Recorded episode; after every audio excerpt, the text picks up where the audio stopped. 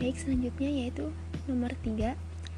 Apa perbedaan dasar dari akad mudorobah dan musyarakah? Jelaskan berdasarkan fatwa makosid syariah dan praktik studi kasusnya. Oke, menurut fatwa DSN MUI nomor 115 tahun 2017 tentang akad mudorobah, akad mudorobah adalah akad kerjasama suatu usaha antara pemilik modal yang menyediakan seluruh modal dengan pengelola dan keuntungan usaha dibagi antara mereka sesuai nisbah yang disepakati dalam akad.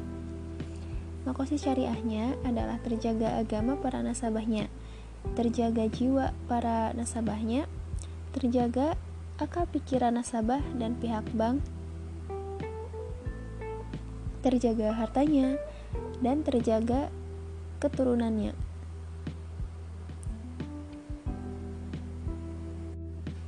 Untuk studi kasusnya, misalkan si A ingin membuka usaha toko kue, sedangkan dia tidak memiliki modal untuk membuka usaha kue, kue tersebut.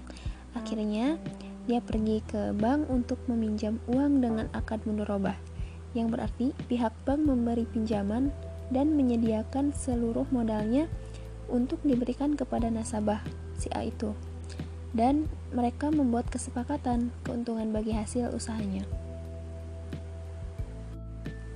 Untuk akad musyarakah menurut fatwa DSN MUI nomor 8 tahun 2000 tentang pembiayaan pembiayaan musyarakah. Jadi pembiayaan akad musyarakah adalah pembiayaan berdasarkan akad kerjasama antara dua pihak atau lebih untuk suatu usaha tertentu di mana masing-masing pihak memberikan kontribusi dana dengan ketentuan bahwa keuntungan dan resiko akan ditanggung secara bersama.